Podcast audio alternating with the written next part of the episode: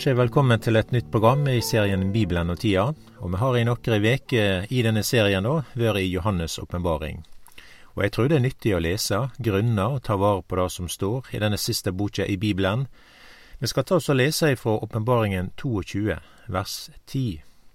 Og han sier til meg, Sett ikke segl for de profetiske orda i denne boka, for tida er nær. Og når det står at han ikke skal sette segl, så betyr det her at vi skal lese det, og eh, verta både velsigna og opplyste med det som står. Og det står i det profetiske ordet at det er som en lampe som lyser på en mørk stad.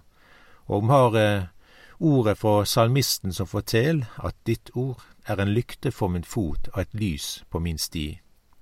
Jesus sa om Den heilage ande at han skal forkynne dykk heile sanninga. Og det er òg eh, i den øversteprestlige bøna i Johannes evangeliet som jeg kan lese, 16 av vers 13, men når Han kjem, sanningsanden, skal Han leie dykk fram til heile sanninga, for Han skal ikke tale av seg sjøl, men det Han høyrer, skal Han tale, og forkynne for dykk det som skal komme. Han skal herliggjøre meg, for han skal ta av mitt og forkynne det for dykk. Så når vi leser her i Johannes' åpenbaring, så er det Jesu Kristi åpenbaring. Og Johannes han skulle formidle dette videre, det han ser, det som nå er, og det som skal komme. Så det er noe med at Anden han må åpne opp våre øyne, så vi kan sjå de underfulle ting i Herrens lov. Og det er noen som synes at eh, Johannes' åpenbaring kanskje er ei lukka bok. Men eh, måtte det bedre være noe som en syntes, for eh, eh når en eh, les her at en ikke skulle sette segl for denne boka, ja, så er det noe som er åpenbare her. Og eh, det er nok kanskje den vonde òg som ønsker at vi ikke skal lese, og grunner og be over det som vi leser her. For her leser vi om den store seieren for Guds rike. Vi har da òg disse sendebrevene, og eh, her eh, Vi har eh, disse her det er kapittel to og kapittel tre som er sendebrevene, da, til eh, disse her eh, sju kirkelyene. Vi har vært i kapittel to her, til Efesus og Smyrna. Og disse brevene er jo lokalt her, da, og men det står òg for Guds menighet til alle tider. Og det som er viktig for alt Guds folk, det er at en hører, så en kan høre hva Anden sier til kirkelyene. Så her er det noe med å ha bibelfrekvensen for den tida vi lever i i dag, og at vi alltid må være kobla på den. Og når vi leser da er det som eh, skrevet til den tredje kirkelyen, det er Pergamum, og eh, jeg tror jeg leser det som står her. Det er Åpenbaringen to, også ifra vers eh, tolv kan vi lese. Der står det på denne måten, og skriv til engelen for kirkelyen i Pergamum. Dette sier han som hadde tviegja sverdet, kvasse sverdet. Jeg veit kvar du bor, der Satan har trona si, og du held fast ved mitt navn. Du eh, fornekta ikkje mi tru, heller ikkje i de dagane da Antipas var trufast, eh, var, var mitt trufaste vitne, han som vart slegen i hel hjå dykk, der Satan bur. Men jeg har nokre få ting imot deg. Du har nokre der som held fast ved Biliams lære. Han som lærde Balak å legge snovestein for Israelsborna og ete avgudsstoffoffer og drive hor. Såleis har du òg nokre som på samme vis held fast ved læra åt Nikolaittane. Venn om, ellers kjem eg snart over deg og vil strida mot deg med min munns sverd. Den som har øyre, han høyrer hva Anden sier til kyrkjelyane. Den som sigrar, han vil jeg gi av den løgne manda, og jeg vil gi han en kvit stein, og på steinen er det skrevet et nytt navn, som ingen kjenner, uten han som får det. Og det er interessant å lese hva som er sagt til den enkelte kyrkjelyd, og hvert av disse så er det et stort og viktig arbeid som blir gjort, det er både positive ting og ting som kyrkjelyden må ta tak i og i Pergamum er det en trufast kristenflokk som står på Bibelen og forholdet til Herren. De er trufaste. De veit at dette vil koste mykje, og de vik ikkje av, du har ikkje fornekta mi tru, las meg her. og de heller fast på Guds navn. Så var det da en som het Antipas der i Kyrkjelyen. Han var slått i hjel på grunn av at han holdt fast på Guds navn. Og sjøl om dette, og at Kyrkjelyen ja, sto overfor martyrdøden, så holdt de fast. Og det er åpenbart at her er det en kristen flokk som Herren kan rekne med. Og denne kyrkjelyen, de eh, hadde ikke de enkleste naboene. De bor der som Satan har truna si. Så det betyr at Pergamum var kjent for avgudsdyrkelse. Her er det en del eh, samlingsplasser for den vonde. Så var det da ulike forsamlinger der i, i området, for, både for Satans tilbedelse, og det var bedehus og ja, mange ting der, da. De kristne i Pergamum samlast, og de holdt fast på Guds navn. Og det betyr at de ikke ja, de var ikke fritatt for en del ting som da ble sett ord på her, da. Men det var noen som holdt fast på Guds navn. Så var det òg noen som holdt en knapp på Biliams lære, og lære åt nikolaitane. Så det var nok ei større utfordring for kyrkjelyen enn å ha Satan til nabo. Men eh, det var ei lære da innad blant de eh, kristne. Og Gud sier ikke til de der i Pergamum at de må flytte at uh, her er det stor motstand, og her er det nytteslaust mot alle disse her da som har Satan der i byen, og ja, og disse ting innad blant Guds folk. Men det som er tatt fram her, det er at de må vende om. Det er noe de må vende seg bort ifra. Både med det som har med Biliams lære, og det som har med da lære åt nikolalittene.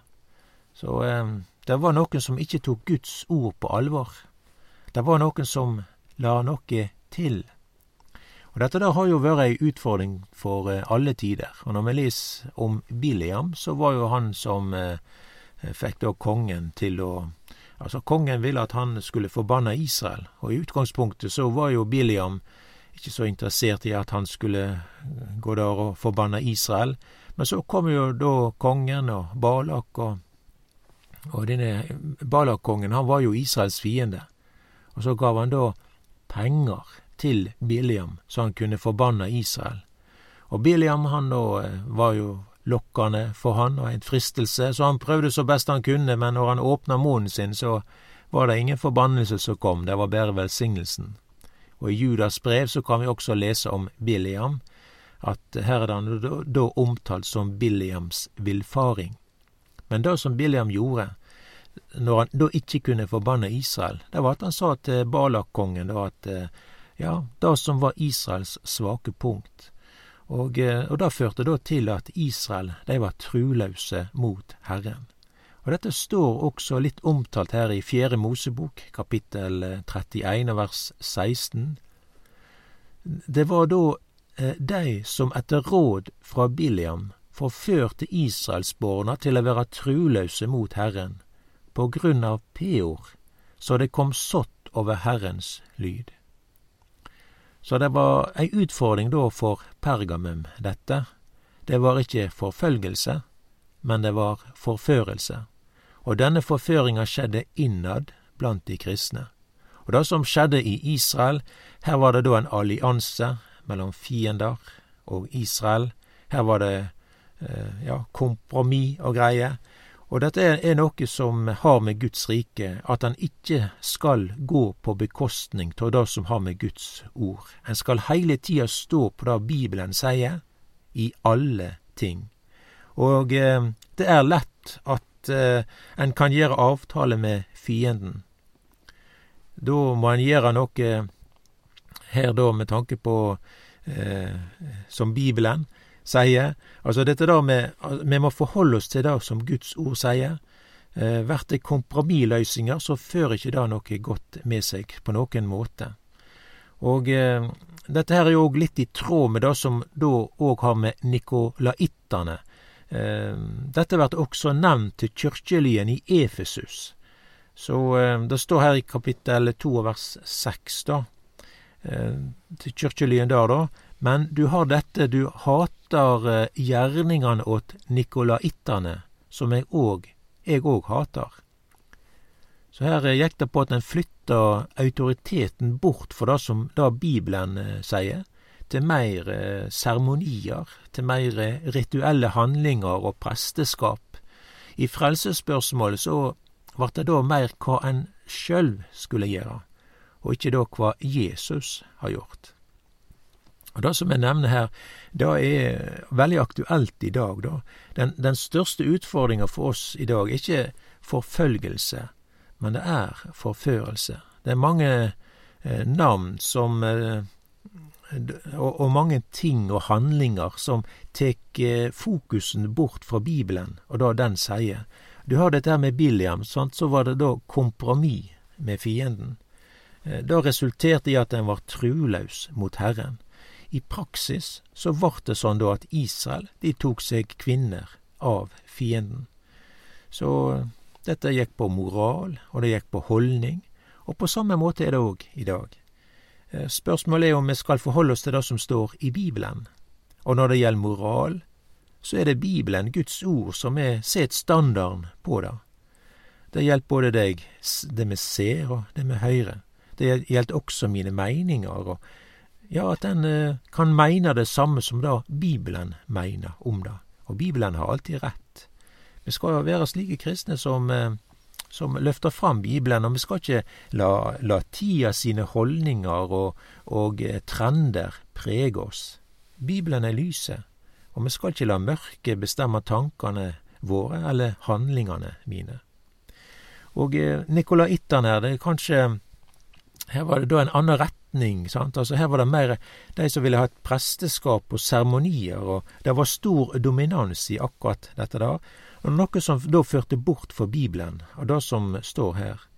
Guds frelse, det er, er Guds gjerning og nåde. Det er ingenting annet, så det, det er Guds nåde pluss ingenting. Eh, det blir ikke lagt noe til på noen måte. Men vi mennesker har veldig lett for å gjøre noe i tillegg. Men eh, sånn er ikke Guds frelse, og heller ikke nåden. Dette her er Guds frelse, det er noe som Gud er aleine om. Vi kan ikke bidra på noen som helst måte. Og her ble det da sagt til de kristne at de skulle vende om. Her er det et fråfall, og eh, ja, når Bibelen Altså, det er et fråfall fra Bibelen, kan du si. Eh, det er ikke verden som faller ifra, for de har ikke noe å felle ifra. Men eh, det er Guds folk, og det har vært sagt her, vend om. Her er en, en virker bort fra Bibelen, så man da vender tilbake til, til Bibelen. Er det blitt for mye kompromiss, at det fører bort ifra Herren, så vend om fra det, og stå på det Bibelen forteller. Kanskje det har blitt mye arbeid, og en har vektlagt disse ting som en gjør, og seremonier og ting og greier, ja, som en del av Guds frelse, som en vender da bort ifra det. Kjøt frelser ikke, det er bare Guds nåde som gjør. Og det gjelder å stå på ordet og hvile i det som Jesus har sagt. De som da sier om seremonier og ja, at det òg blir eh, gjerne en ting som blir tellende. Om ikke det har så veldig stor vektlegging, så er det likevel ei, ei, ei vekt i det. Det er det noe som en må vende om, og forholdet til det som eh, står skrevet. Det å kunne leve i ordet. Og eh, det er viktig å, nær sagt, å ha seremoni og rytme på ting. Og så jeg tenker på dette her med bønn og med bibellesning. Ha fast eh, rytme og, og eh, på det. Og eh, ja det, det som går att i disse kirkelyene som vi har lest her, med tanke på Efesus og Smyrna Pergamum, er dette med seier. Vi leser her i vers 17 Den som seirer. Og videre her Den vil jeg gi en hvit stein.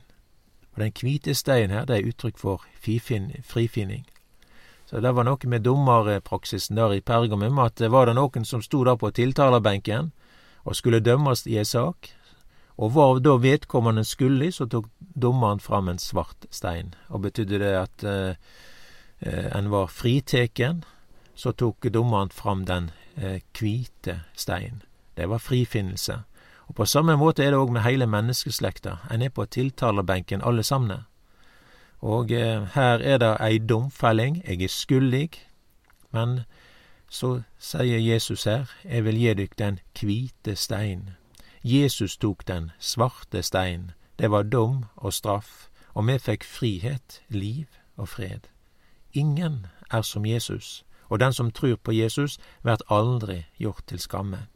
Så eh, her vil det være seier, og eh, når Jesus kjem, og, det, og eh, han kjem med triumf, og det er seier som ligger i, i både frelsen og det som har med Jesu komme. Og det er Jesus òg som kjem snart igjen.